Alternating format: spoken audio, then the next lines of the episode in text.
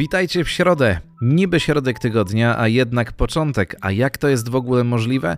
A po to właśnie dziś pogodynka z Parsley FM pojawia się po raz pierwszy na Spotify jako podcast. Dziś pogoda upłynie nam pod znakiem wiatru i pierwszego nieco większego spadku temperatury. Wiatr dziś w porywach osiągnie 50 km na godzinę. Na termometrach rano zobaczymy tylko 11 stopni, a maksymalnie w ciągu dnia termometr wskaże 17. Biomet dziś nie będzie nas definitywnie rozpieszczał. Przez silny wiatr i zimne powietrze będzie niekorzystny aż do wieczora, a dopiero na noc przejdzie w obojętne. Porywisty wiatr sprawi, że na niebie na zmianę będziemy oglądać a to słońce, a to chmury, przez co dzień nie będzie wydawał się aż tak bardzo ponury. A zaglądam teraz w kalendarz w poszukiwaniu świąt nietypowych i dziś wszystkie zwierzaki mają swoje święto. Jest też Dzień Efektywności Energetycznej, a kiedy połączymy te dwa święta, można przykładowo oszczędzać prąd wychodząc z psem na spacer. Do spacerów polecałbym się przyzwyczaić, bo na stacjach benzynowych coraz częściej brakuje paliwa. A żeby nam się miło o poranku spacerowało lub po prostu dobrze weszło w środę,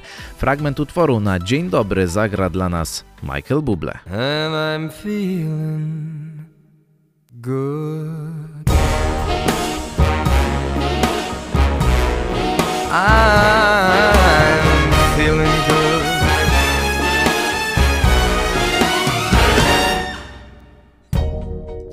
eşiniz